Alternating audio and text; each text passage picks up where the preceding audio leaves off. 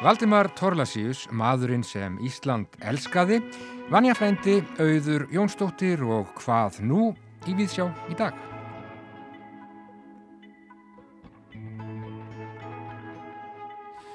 Ljósmyndaháttíð Íslands hefst á morgun með eh, opnun á síningu sem að verður sett upp í ljósmyndasafni Reykjavíkur Þar er það ljósmyndarinn Valdimar Tollasius sem að sínir verk sín á síningu sem heitir eiginlega þrýpuntur en er kannski eiðan í tólkunni sem fer fram þegar að áhörfandi mætir listaverki. Já, mér hefum það í viðsjá í dag en uh, það er nýr áratugur runnin upp segjum við bliðunarlaust hér í viðsjá þriðji áratugur 20. og fyrstu aldar og já, þá er við hæfi að horfa til framtíðar og spyrja hvað nú?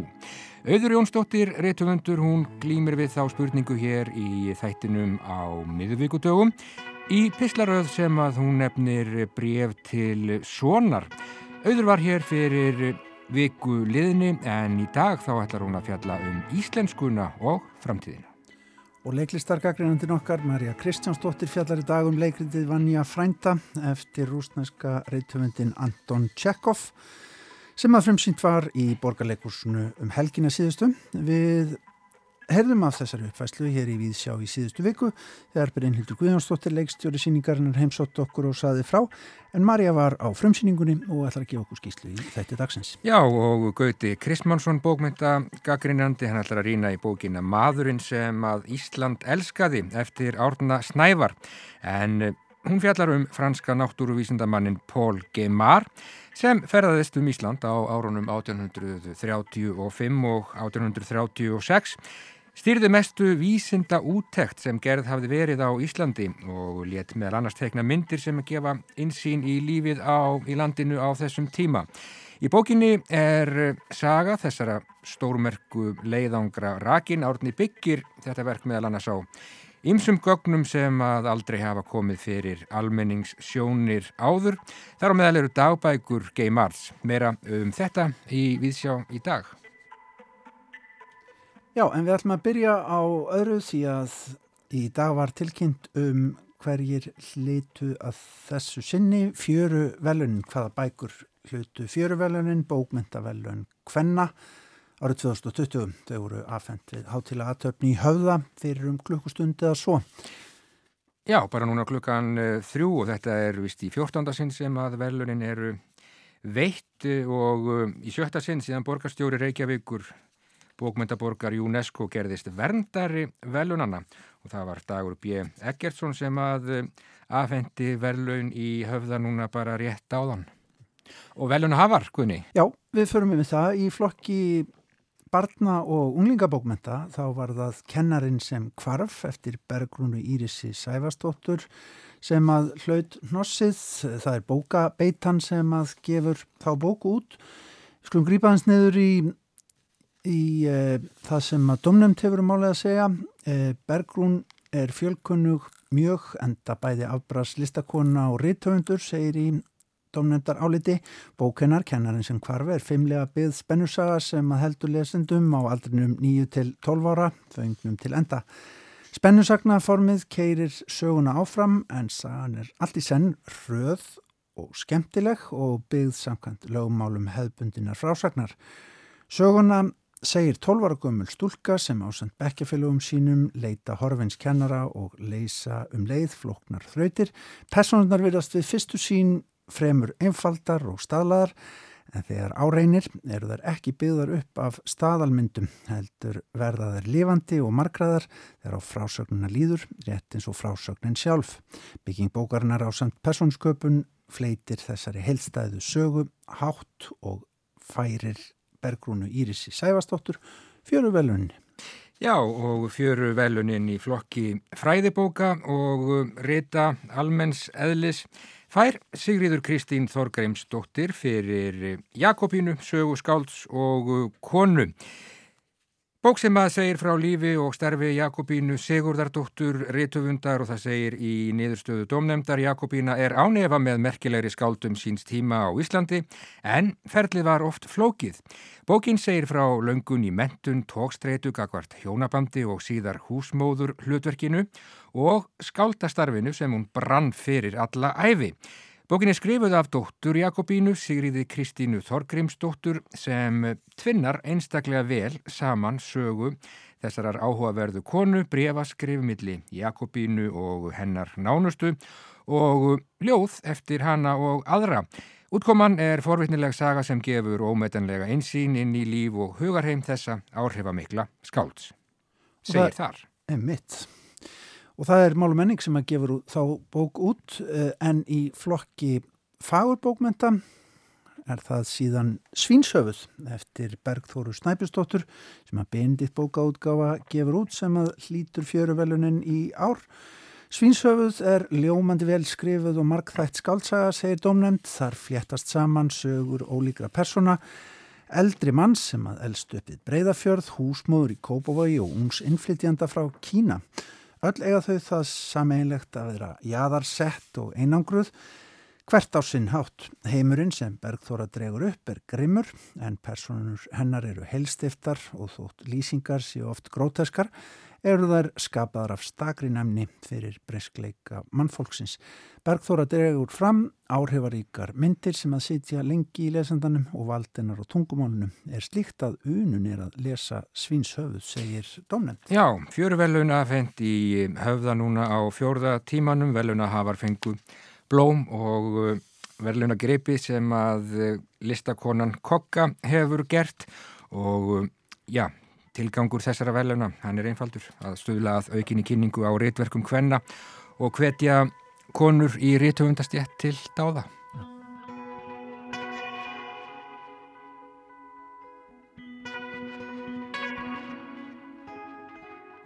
En við ætlum að huga að ljósmyndinni því að ljósmyndaháttíð verður sett á morgun þegar að síning í ljósmyndasafni Reykjavíkur verður opnuð, þar er það ljósmyndarinn Valdimar Torlasíu sem að sínir verksín, myndir sem hann tók viða um land í Þorpum og af íslensku landslægi og jú af íbúum þessa ágæta lands Íslands. Sýningin er með forvitinlega titil og við byrjuðum að, að ræða þann titil þegar ég hitti Valdimar í safninu fyrir í dag.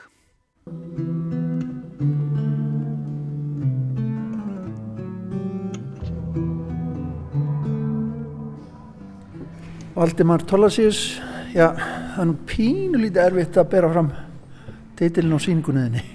Það er gæsalapnir opnast og svo koma, kemur þrýpuntur og, og svo gæsalapnir sem lókast. Hún heitir þannig séð ekki neitt eða hvað.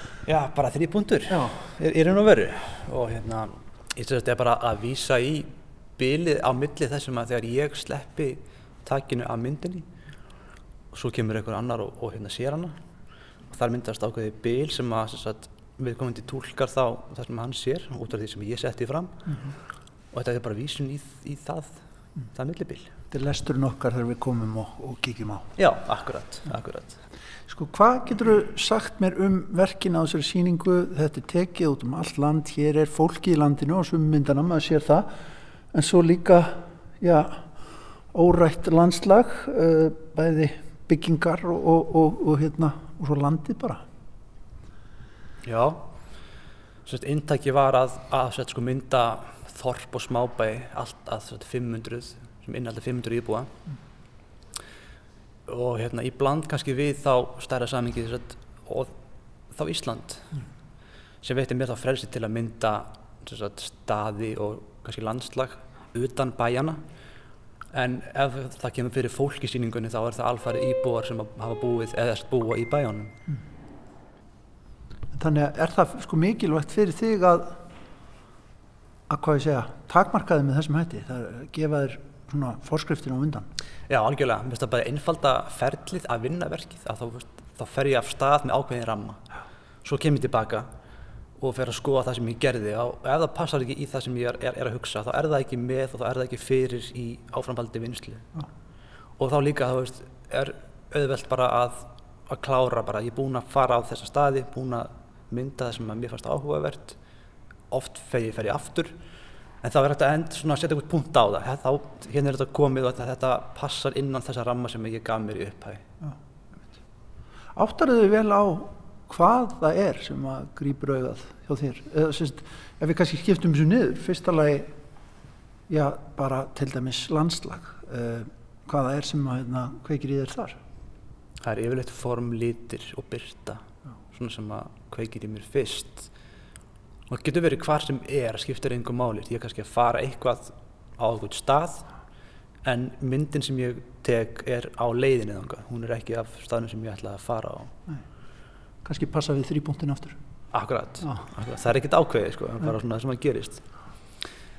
Og það sem maður kannski tek eftir er ekkert, er þetta að setja höldur á það en það bara gerist einhvern veginn. Já. Bara auðað sem að leitar. Já, eitthvað sem að grípur augað og ég kannski er ekki endilega fær um að segja endilega veist, e eitthvað formúlu fyrir það hvað er í hvert skipti en það bara er eitthvað sem að gerist þegar ég er á staðnum. Hvað með fólkið sem þú, já, fært þess að stilla sér upp, sínist maður, svona í flestum tilveikum. Já. Þetta er það sem að fólk sem ég hef bara hitt fyrir tilviljun á gangi um þorpin. Ég sett ekkert upp, kom einhver, einhver við eða, eða, eða neitt svoleiðis. Bara fólk sem ég hitti. Og í raun og veru var þetta bara þannig að ég sá eitthvað sem ég fannst áhugaverður. Eða bara í raun og veru eitthvað, það var ekki marga að velja. Sko. Og mjög stundum er erfitt að hitta á fólk og ég ætlaði mér ekki að eldast við það að fara til dæmis inn til fólks til að veist, banku upp á og svona, það var ekki markmiðið með þessu. Ég átti bara að rekast á eitthvað og sjá eitthvað. Og ef það var eitthvað sem að mér fannst áhugavert, þá gekk ég upp að því og, og spurði hvort ég mætti taka mynd.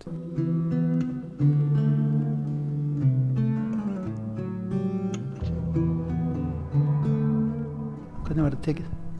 Vel. Ég man ekki eftir neinum sem var með leiðindi við mig eða þú veist, eða svona heilt yfir mjög vel, sko. Sko, segðu okkur hans frá þér. Hvaðan ert þú? Ert þú úr, úr borginni eða ert þú úr, úr hérna, einhvern litlum bæ? Lillum bæ, ég er úr hveragerði, Hver er það? uppalinn þar og býð þar ennþá. Og hérna, ég fer að mynda upp úr, hvað, 2012, eitthvað sluðis. Sæki þá um í, í ljósmyndarskólanum. Klára það nám 2014 eða 15. Mm, gengur svo nokkuð vel eftir það bara. Ég, hérna, Þú er búin að gefa út bók, ljósmyndabók. búin að gefa út bók og búin að fá tækjafæl til að sína á skemmtilegum stöðum og, og hérna, þetta er bara gaman eins og er. Hvernig er þetta tekið í svona, já, þessu samfélagi svona ljósmyndara með stóru elli? Við erum náttúrulega kannski öll ljósmyndarar út af dag. En svona í þessum, þessum gera. Já, ætli sé ekki bara nokkuð vel tekið. Ég, falla við ekki hýrt eða fæ ekki annað á tilfinningan en þetta sé að hitta ágætlega í, í markina.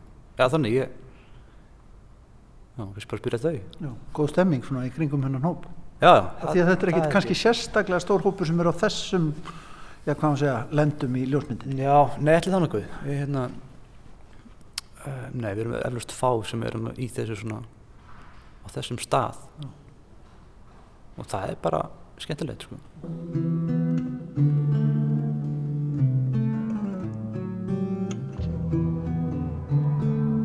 Hvað er það, ef við hugsaum aðeins aftur um þetta að koma inn í lítið samfélag sem að hérna, er alls konar auðvitað uh, og kannski fjölbreyttari en mann grunar stundum hérna á mölinni svo sagt er sko. Uh, hvað er það sem heillar þig við að koma inn í svona litla bæi til dæmis já, langt út á landi?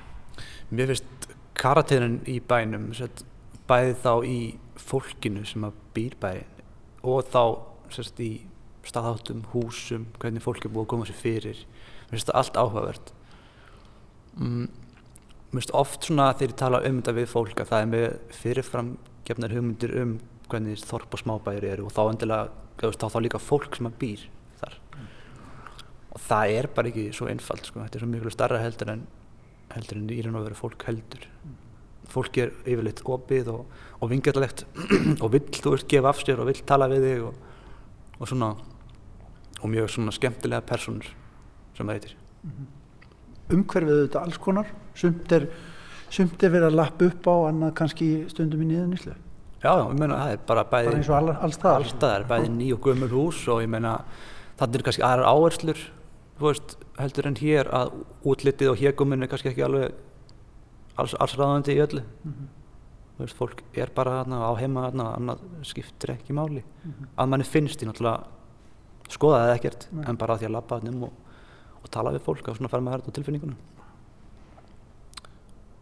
Svo er auðvitað, við þurfum nú ekki margra vitnana við á degi eins og í dag að lífsbaráttunum hörð. Já, akkurat, akkurat á, á, á hérna vestjörunum til dæmis að hérna það var einmitt, ég var myndaðar fyrir akkurat ári síðan á flateri. á Flateri og Súðavík Suðureyri, þessu stöðum. Það var óveður og ég var fastur þarna ég var að reyna að komast heim þannig að maður getur alveg gett sér í, í, í hugulund, það er erfitt að búa þarna en örgulega gaman líka á margan annan hátt sko. Það frelsi líka. já, örgulega kerðinn og svona leiðist þegar það er ekki, ekki óveður sko. Finnst þér þú hafa kynst þessu landi já, já, á einhvern annan hátt en, en svona þú sást fyrir þér? Uh, já og nei, ég hef alltaf mikið ferðast um Ísland áður og það eru forrættindi að fá að geta gert það sko. Ég átti ekki beint von á neinu, ég vildi ekki fara af stað með einhverjar hugmyndir um eitthvað, heldur bara að láta hlutina gerast og láta koma mér óvart. Og þú veist, ég var ekki hissa. Mér finnst það svona eðris, eðrislegt að sjá þessa staði, mér finnst það svona, ég veist, kannaðist við staðin þannig séð, það var alltaf kannski ekki komið á alla áður en það var svona svipaði bragur og stemming á mörgum stöðum. Þú byrði hver að gera þessu verður til í að búa á minnistað? ég væri til að búa á svona stað, það kannski ekki búa, ég væri til að eiga sumbústað og geta kíkt á svona stað og þá verið í kyrðinni. En þú eins og þannig í dag en ég væri eflaust þegar líður á væri ég til að búa á svona í snorfleitum það er hillandi sko Hvert svona stefnur í þinni ljósmyndun? Ætlar að halda áfram á þessum á þessum, eftir þessum brautum?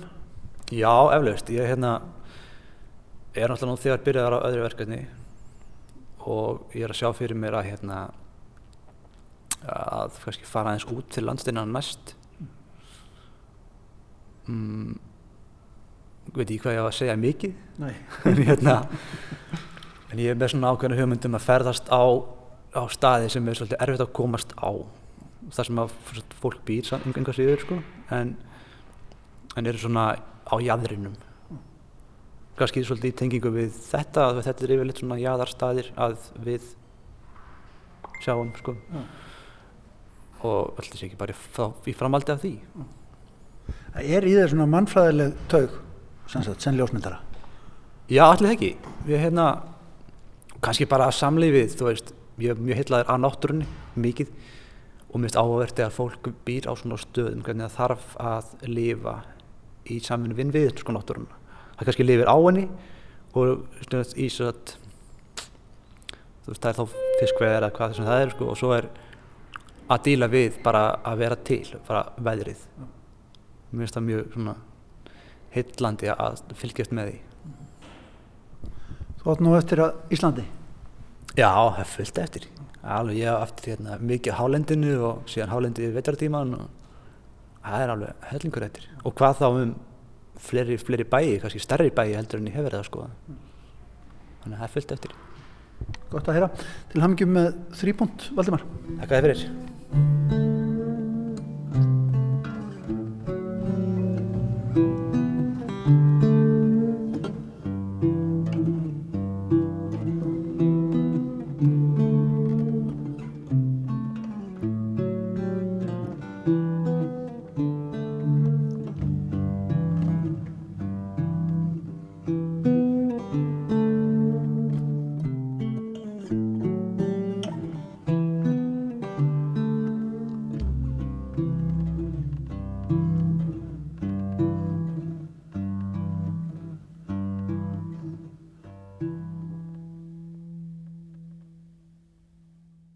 Ljósmyndarinn Valdimar Torlasjus saði frá síningu sinni ja, þrýpunktur heitir hún nú vist eiginlega, þetta er aldrei erfitt nafn á síningunni Uh, í ljósmyndasafni Reykjavíkur, hún verður opnað á morgun þegar að ljósmyndaháttíð hefst, já, og hún verður ábrendi í söpnum og síningasölum á næstu dögum, veit ég. Já, mikið um dýrðir fyrirlestrar og síningahald og margt, margt fleira. En uh, þá likur leiðin í leikhús ágætu hlustendur borgarleikhúsið frumsindi um helgina leikritið Vanja Frænda eftir rúsneska réttufundin Anton Tjekov. Við uh, frætumst um þessa uppfærslu hér í Víðsjá í síðustu viku þegar leikstjóri síningarinnar Brynhildur Guðjónsdóttir heimsótti okkur en eh, Marja Kristjánsdóttir leikhús Rínir Víðsjár, hún var á frumsýningu í borgarleikhúsinu um helgina og við skulum gefa henni orðið. Þér segið að þér hafi grátið yfir leikritunum mínum. Þér eru geitnu það. En ég skrifaði þau ekki til þess. Það var Stanislavski sem gerði þau svona væminn. Ég vildi eitthvað allt annað. Ég vildi einfallega og í fullur í sveinskilinni segja Horfið á ykkur. Sjáuð hversu lélega og leiðinlega þið lifið. Mikilvægast er að fólk skilji það. Um leið og fólk skilur það, verður það að hefja annað betra líf. Segir rúsneska skáldið Anton Tjekov í brefi til Vínar árið 1901.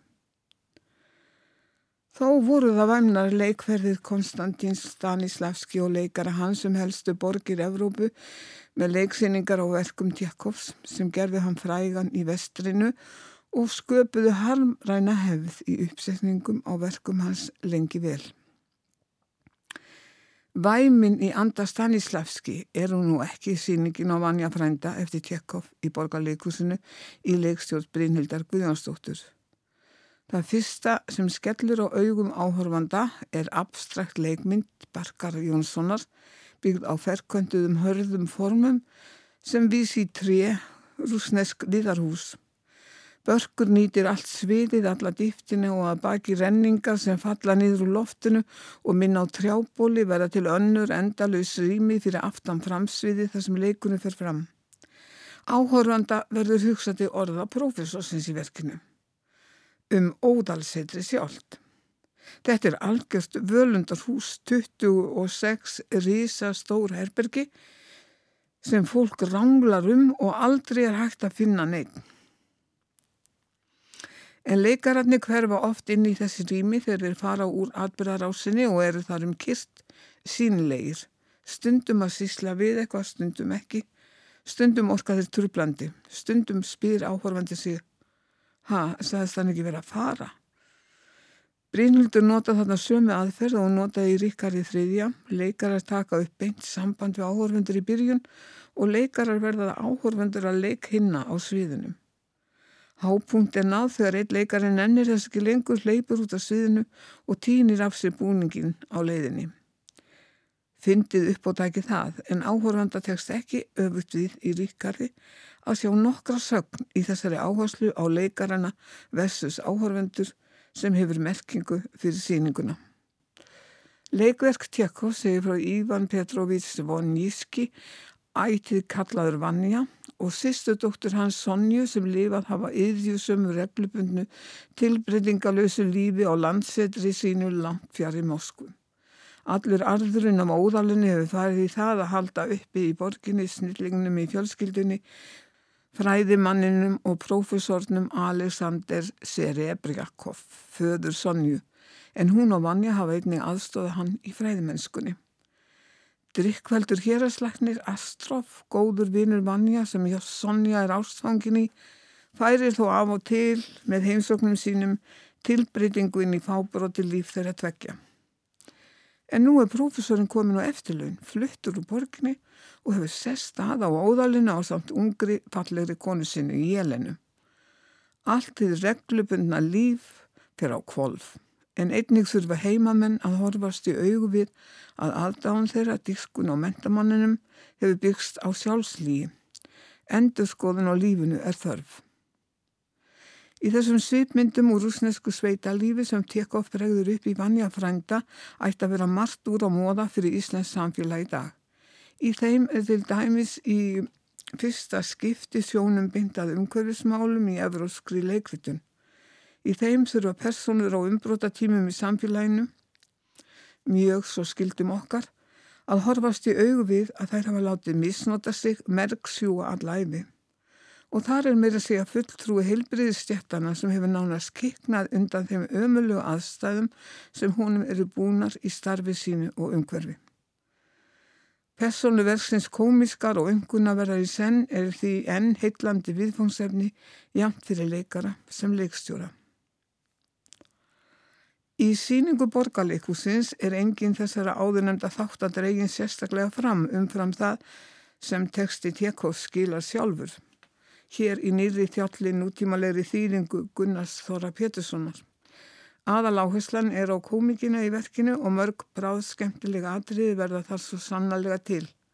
Þá verða einni til ímsal fallega myndir með staðsetningum, periódubúningum Filipi Elistóttur og í lýsingu Björns Bergsnæs Guðmundssonar sumar þó nokkuð klísíkendar innan gæsalappa rúsneskar. Í upphafi virðast Valur Freyr Einarsson í hlutverki Vanja og Katrín Halldóra Sigur að dóttir hlutverki Sonju að fara að skapa eitthvað aldrei snýtt og áhugavert en þá er þeim og öðrum personum bara sópað burt í leikstjórninni og Hilmi Snær Guðnarsson sem astroflæknir og unnur Ösp Stefansdóttir sem Jelana taka yfir sviðið. Vissulega hlutverk Astrós engu þýðinga minna en titil hlutverki Vanja en að því lík ofur áhersla sé lögð á persónu Jelenu og það að hún rugglar kalla og konur í verkinni rýminu helst upp á borði er nánast óskiljalegt. Nefna ætlunin hafi verið að setja upp léttan gammaleik með ástarífaði í stað þess að vinna eitthvað á verkinu sem skiptir okkur áhörfundur í dag máli.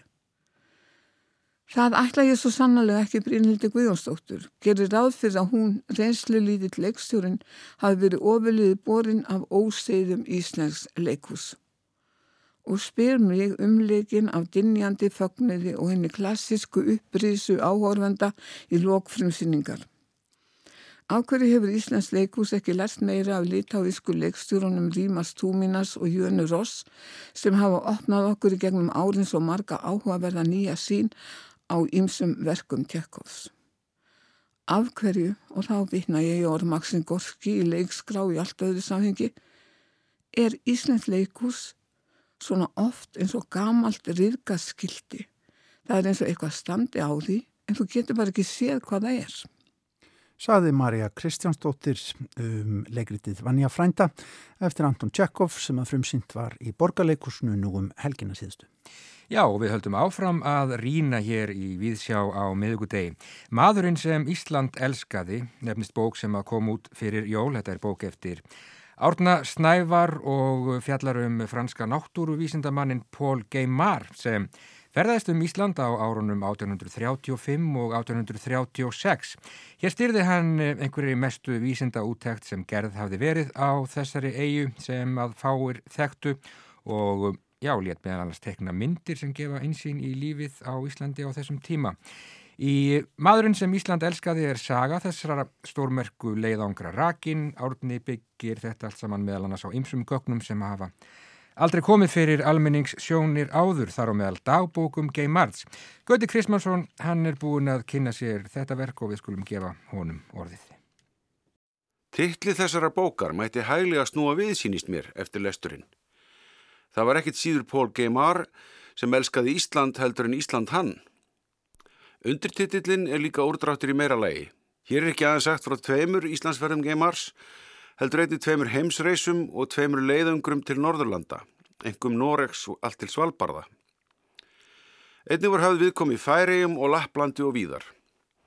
Í bókinu líka ferðast um hugmyndasögu þessara óráa og byltinga tíma, pólitíst, fræðilega og menningarlega. Það er því ekki lítið undir þessum hóvara titli um tvær ferðir einsmanns til Íslands. Þetta var reyndar merkilegu maður, nú loks þegar maður færi mynd af honum. Einlega var hann í mínum huga einungis nafn í ljóð eftir Jónas Hallgrímsson og ekkert meira. Hann var vissilega meira. Maður sinna tíma, ævintýr og vísindamaður, landkönnuður, læknir, sjálfmentaður náttúrufræðingur og lífsnötna maður í þokkabót. Það síðast nefnda var kannski orðspori hans að aldur tila. Nú eða beskja gamals vinar eins og höfundur bókarinnar rekur og raukstiður. En orspor hans er einmitt fallið ríki hyrðuleysis sem átni snævar hefur tekið að sér að dösta af því. Það er mjög áhugavert verkefni einmitt fyrir okkur Íslandinga. Því orspor hans var svo tengt Íslandi, ekki síst náttúrufyrirbröðin Íslandi sem segja má að hann hafi kynnt frönskum lesendum. Ísland var kannski ekki neitt nýmæli á þessum tíma. Bókmentalega hafði landið vækið aðtikla á ný upp úr miðri átjándu öld þegar mentamenn miðaverabúi beindu augum til norðurs.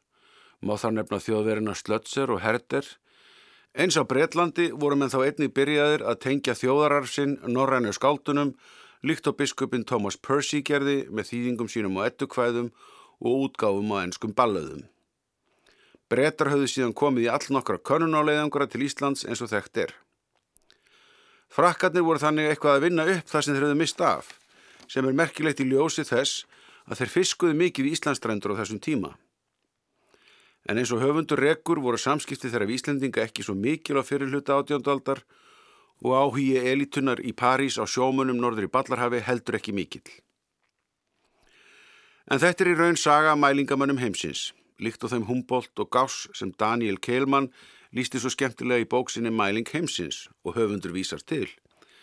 En það voru geimar og félagar í sambandi við það frægu vísindamenn og sendu þeim gögn og upplýsingar. En þessi saga er miklu þerfræðilegri og snýstum margt annað en náttúrufræðilega mælingar. Með í för eru skáld, myndlistarmenn, fræðimenn af ímsu tægi, það á að skoða til að mynda hvernig á því stendur að læsi sér svo útbreytt meðal þessa fátaka fólks á Íslandi. Það er í gegnum þessar fíkurallar, skaldið marmér fær kannski mest plás og marga aðra sem of langt er þau upp að telja, að við fáum mynd af breytt rannsókn og hugmynda sem er í gangi á þessum vakningatímum í vísindum og þjóðfélagsmálum. Bildingar eru næstum árlegt brauð í Fraklandi. 1832 var þar ekki aðeins enn einn bildingin, Heldur voru umbótalegin miklu sem stundum eru svo nefnd samþygt í England og Wales og Skotlandi skömmu síðar. Þau snýrast um réttlátara atkvaðavægi og áttu eftir að geta af sér fjölda laga undir sama heiti uns konur fenguloks kostningarétt árið 1928. En aðalatrið er að Evrópa var á mikillir hreyfingu í öflun þekkingar, listum og stjórnmálum. Kanski eins og núna og það tekst mjög vel í þessari bók að byrta svipmyndir af mörgu því sem ágekk á þessum tíma. Það er gert í gegnum alla persónuleikana sem er að vinna að hennum ímsu verkum í leiðungrunum og einnig tekst höfundi lista vel að tengja helstu personur við hugmyndarhefingar sinna tíma. Stundum hefur hann beinar heimildir sem hann getur vísað til og stundum beitar hann rögleislunni með þeim fyrirvörum sem eru nöðsynleir. Höfundur er reyndur bladamaður með sakfræðimentun og það sýnir sig vel í rennandu og vapningalösum prósa og mikillir frum heimilda öflun auk annara heimilda sem mér sýnist góð skil gerð að öllu leiti. Tekstin er þannig læsilegur og raunar smitar hann dálítið í frásagnargleði höfundar sem greinlega hefur haft gaman að verkefninu. Stundum hendir það ágetustu fræðimenn sem er ansaka einhverja tiltekna sögulega personu að verða svolítið meðvirkir með sínum karli eða konu. Ekki síst ef viðkomandi er umdelt fígúra að einhverju leiti. Mér finnst höfundur ekki falli þessa grefju, þótt einhver sjarmi helsta viðfangsefnisins speiklist í tekstanum. En það er heldur ekkit skrítið. Gemar verist hafa verið nokkuð sjarmerandi maður og segir það sína sögu að honum tókst að abla fjár fyrir alla þessa leiðangra og fá málsmetandi menn með sér í slíkar svaðilfærir. Viðtökur Íslendinga og annar að benda og til þess að hann hafi ekki stuðað fólk þvert á móti og styðja það sumar anekdótur um gjafmildi G. Mars. Íslendingar á hans tíma kunnur sannarlega að meta hann og heldu þeir honum mikla og fræga veistlu í Kaupanahöfn í janúar 1839 þar sem honum var meðal annars sungið ljóðið fræga til herra Páls G. Mars. Eins og höfundur rekur orti Jónas það eftir pöntun á mjög skömmum tíma og þótti það og þykir minna mjög á fjöllin á fróni eftir Sigur Breðfjörð sem er kaltænislegt í ljósi þess að Jónas hafði ráðist harkalega á þann fyrirnemda tveimur árum áður með rittómi sínum um rýmur af Tristræni og Indiönu. Engin áhrifakvíði þar lengur, svo vísa sér til hugmyndar Haralds Blooms í því efni. En kannski var hún þetta lítið mál þar sem Sigur hafði fengið ímislegt að láni hjá Símón Álófus Wolf og þetta var bara tækifæriskvæði sem átt að spangóla í einhverju veistlu fyrir mann sem hann þekkt ekki. Jónas gæti ekki vita þá að línur úr þessu kvæði ættu eftir að príða andirið á hátíðasal Háskóla Íslands í fyllingu tímans. Þessi vestla myndar einhvern veginn hátind frásagnarinnar, en saga Geimars og fleiri er rakin áfram í gegnum leiðangra á Norðurlönd og víðar, auk annara viðburða, í nokkus konar aristoteliskum boga með upphafi, miði og endi, sem líf Geimars endurspeglar frá því hann er ungur maður til döðadags. Endalokk hans eru raunaleg, hann lést í sarri fátakt frá ókláraðu verki í skrifum og skildi ekki eftir sín eina afkomendur sem syndu arfleg hans, svo hún fór bókstala á uppbóð til að greiða skuldir. Það skýrir hugsanlega að orspor hans, stort og mikið á sínum tíma, hvar fljótt í skuggan. Það því kannski vel að Íslendingur skuli taka stort skref til að reysa það við, þó ekki veri nema í okkar litla landi. Því þótt Ísland hafi elskað hann, sínist mér ljóst að hann var líka ástfangin af Íslandi. Já, gagfæm ást sem sé. Gauti Krismansson fjallaði þarna um bókina Maðurinn sem að Ísland elskaði. Pól Geimar og Íslandsferðir hans 1835 til 36 eftir Árna Snævar. Tráttur að hafa verið þekktur maður á sinni tíð eru bæði Geimar og leðangrar hans hinga til lands að mestu glemtir. Þar til nú eftir útkomu þessarar bókar helst að menn þekki eftirfarandi ljóðlinur Jónusa Hallgrímssonar úr ljóðinu til herra Páls Gæmar. Vísindin ebla, abla dáð, orkun að styrkja viljan hvessa, vonin að glæða hugan hressa. Jú, eitthvað kannast maður við þetta, takk fyrir að Svona munum við vitna til ljóðsins. eftir Pól Geimar. Heldur betur, og, og auðvitað kannast maður vel við þetta og við líkiladriði í því hvernig vísindin eru byggð upp hér í þessu samfélagi. Heldur betur. En frá 19. öldinni höldum við inn í samtíman, já, og horfum til framtíðar um leið. Já, það er nýr áratugur runin upp, uh, við höfum sagt það áður hér í Víðsjá og við segjum það aftur þriði áratugur 20. og 1. aldar. Og þá er við hæfi að horfa til framtíðar og spyrja hvað nú? Auður Jónsdóttir réttöfundur, hún glýmir við þá spurningu hér í þættinum á miðvíkudögum í pislaröð sem að hún nefnir bref til sonar. Í dag fjallar auður um íslenskuna og framtíðina.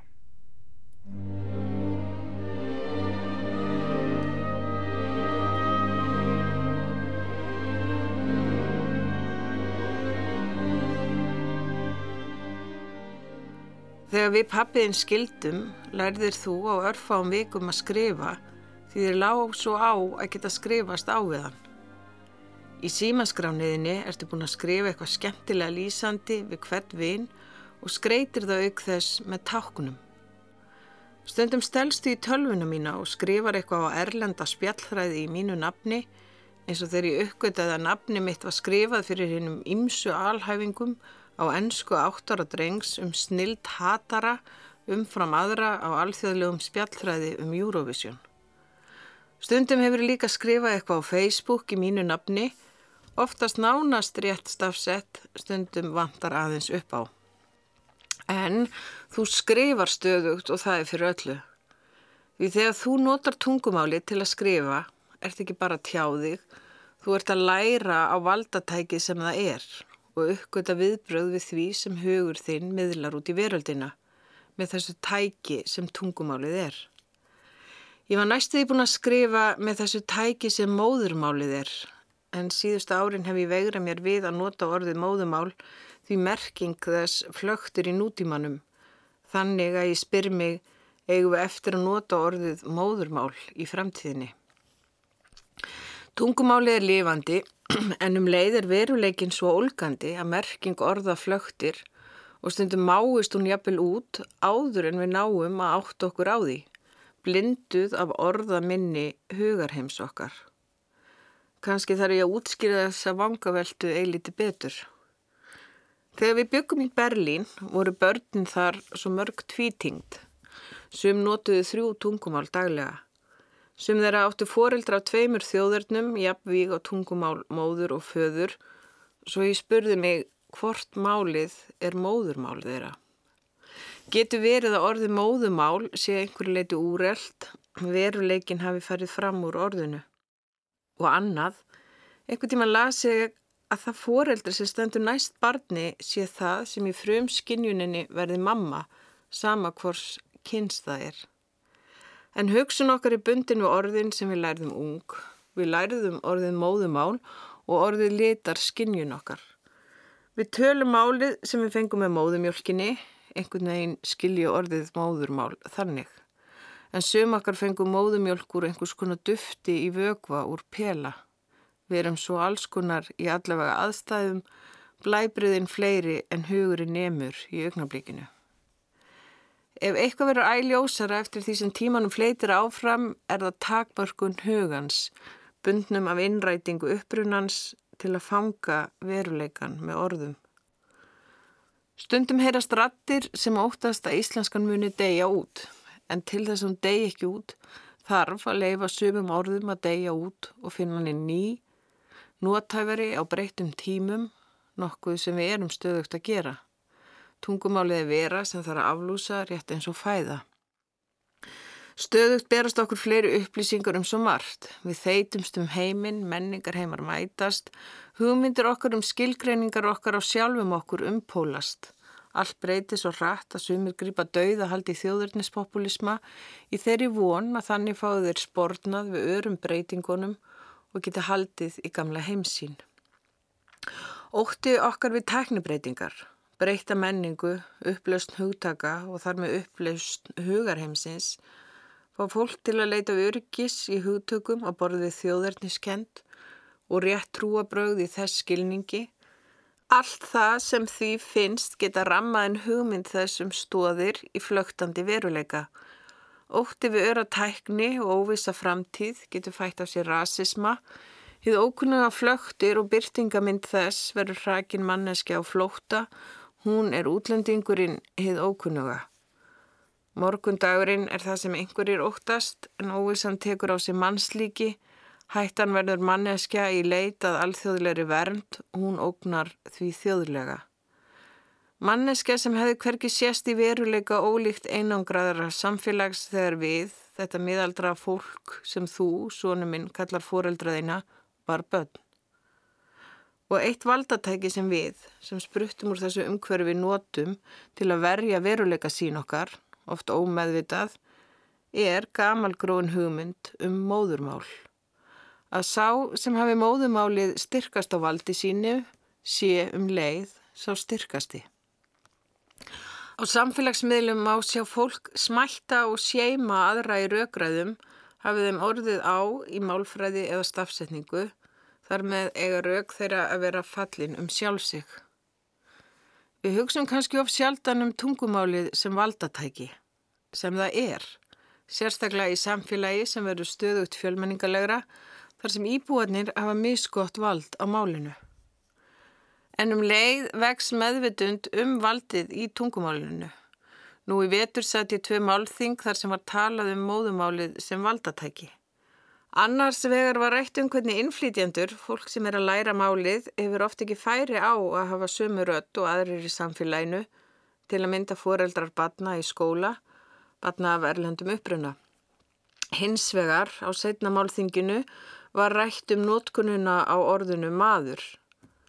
Hvernig menn hafa egnast meiri hlutdeild í þessu orði sem á að gilda jæmt um menn og konur og hvernig tungumálið verður kallægt fyrir vikið. Um hvað ert að tala mamma? spyrð þú kannski undrandi. Og þá get ég sagt, maður manu þegar maður var óléttur þegar þú varst í maganum ámanni. Og kannski minnst er setningin skrítin því óhjákvæmilega verður skringilegur hljómur í henni. Á sama tíma notar maður mannum sjálfan sig í sífellu Í því býr ákveðin innileiki tungumálsins, maður er að vísa til manns, manns sjálfs, manneskunnar í yðrum sjálfsins. En kannski finnum við annað orð til að tjáuna í hugarumbreytingum tímans. Það sem hljómar sjálfsagt í dag gæti hljómað hjákallega á morgun og sitt sínist hverjum um allt það. En að við tölum um valdið í tungumálunu er góðs viti. Við getum verið ósamala um orð sem þessi og haft af því ólíkar skoðanir, skoðanir á því hversu mikið megi nýka við tungumálinu, en það að tala um það heldur því lifandi, rétt eins og það heldur íslenskunni lifandi þegar þú, sónu situr með síman að skrifa vinuðínum stuttar sögur í forritinu sem við köllum Messenger. En við verðum öll að fá að jagast í málunu, sama þó að við tölum það viss vel, að meðan við jögumst í málunu og skrifum það til að skilja veröldina með blæbriðum íslenskunar, lifir það. Svo við þurfum öll að fá að vera jafn óhrætt við að nota það til að tjá okkur og eign okkur það. Hver sem bakgrunnur okkar er, hversu gott við eigum með að skrifa. Þannig lifir íslenskan ef við erum óhrætt við að nota hana, gera mistök, hugsa um hana, skilja hana upp á nýtt. Vona ég. En ég var líka á þriðja málþinginu þar sem var talað um talgerðla sem tala ennsku en verið er að þróa í áttina að íslensku. Að öðrum kosti geti tungumáli verið í hættu, segja sumir, þegar við erum farin að tala við tækin á ennsku í daglega lífinu. Einhver sagði eftir þingið, eru þetta ekki óþarfa áhyggjur, við fyrirum aldrei að tala við tækin þannig, mannlegt atferðli er ekki svoliðis. Um daginn tók ég hins vegar eftir því að þú og viniðinir lekuð ykkur á ennsku. Ég nefndi þetta við pappa vinarðins sem hafði áður veikt í aðtegli. Ástæðan? Jú, þið lekuð ykkur með síman og leikurinn í símanum bauð upp á að þið töluðuð ennsku, gott að þið voruð ekki að ræða við Siri.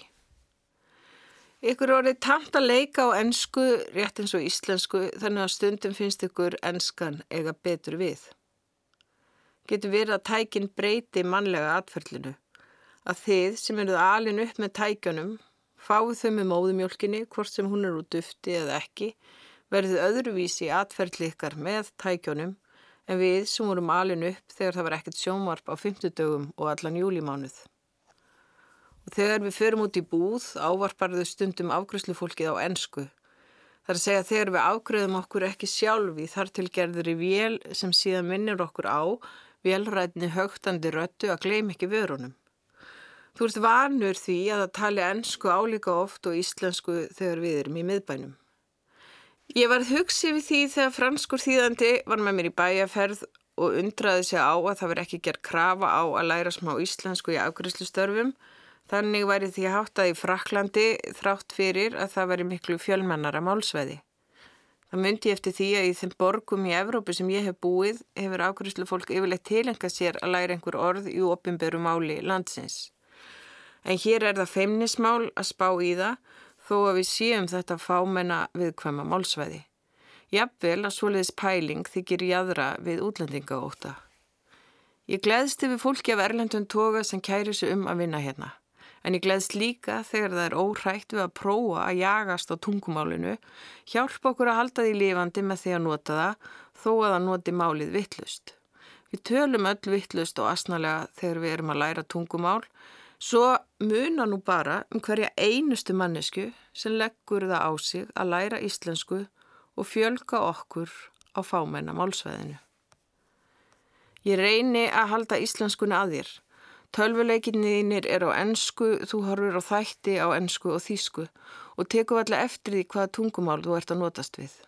Ég gleðsti við því að þú tilengir þér tungumál og að þú haldir þeim aðskildum, þannig verður þú góður í þeim öllum. Ég óttast ekki að þú riðgir í íslenskunni þó að þú notir daglega önnur tungumál. Þvert á móti trúi ég að þau styrki hvert annað, þessi meðvitund um tungumál. Aðalatriði þó að þú hafið vald á málinu sem við köllum móðumál og gæti heitið eitthvað annað í nútímanum, þessu frum tungumáli sem þú tilengaðir þér, svo það skerpi grunn tilfinningu þína fyrir öðrum tungum. Svo ég vona að þú notir það sem mest í leikjónuðinum og út í búð og haldir áfram að skrifa pappaðinum og vinuðinum á þessu tungumáli um allt sem þú ert að gera og hugsa og bardúsa. Því tungumálið sem þú fjekst með móðumjólkinni er valdatæki. Það er tæki sem þú hefur fengið til lífstíðar til að setja mark þitt á veruleikan. Tjáði með því og nota til að skilja heiminn á forsendum þínum með blæbreyðum hugarheimst þíns sem stækkar samt við hvert hugtak sem þú lærir um leið á öðrum tungum. Það er flókið að tala um íslenskun og framtíðina. Kanski virðist hún lítilvæg samanborið við hamfarir sem ógna heiminum, hugsanlega heims yfir að ófyrir sjáanlegar tækni, allt það sem við leggjum upp með þegar við hugsum um framtíðina. En tungumálið, þetta mál sem ég ætla að kalla föður og móðurmál þitt, tungumál tilfinninga þina, er tækið þitt. Þú getur átt mörg tæki en tækið sem þú hugsar með, málið sem lita drauma þina, er vald sem þú mátt ekki glata. Sama þó þú eir eftir að búa í Peru, Kína eða á Spáni, því mig grunar þú eir eftir einhver tíman að búa í öðru landi. Ég vona að þú fáir tækifæri til þess. En kannski siglir með skipi til útlanda eins og langumir þínar og langafar því flug skömmin og kannski eftir að valda hugafarsbreytingu áður en þú verður fulltíða. Ganski rennur upp svo dagur að þú neytar að fljúa með mér þessari gamaldags móður til útlanda og panta fyrir eitthvað far með norrænu. Og kannski getur allt farið þannig að einn daginn verður við á flóta í leit að alþjóðlegri vernd. Engin veit hversu mikil upplaust getur hlaupið í veruleik okkar. En ég vona að nú sé hugaflugið að hlaupa með mig í gunur. Þú ert með útlönd í augunum þegar þú talar um framtíðina. Það sem er gott að þú heitir Leifur Otto Við foreldraðinir hugsuðum að það er hendugt fyrir þig í framtíðinni að heita líka nafni sem er gott að bera fram í útlöndum og nú þegar hefur það heitið Leifur á Íslandi en Otto í Þýskum leikskóla. Hver veit hvort nafnið þú ætti eftir að nota oftar í framtíðinni? Þú ræður framtíðinnið þinni, vona ég. Kanski er framtíðin alltaf útlönd. Við útlendingar í framtíðinni, ferðalangar um eilífiðina, óvissuna.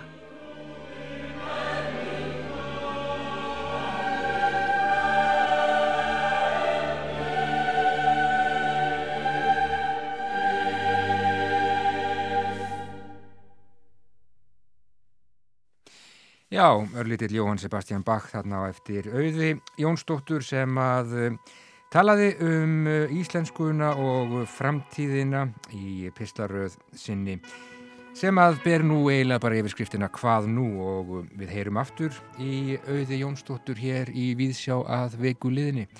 En þetta er búið í dag, Gunni Tómasson. Já, hvað nú? Þetta er bara búið. Verðum hér aftur á morgun. Verðið sæl. Verðið sæl.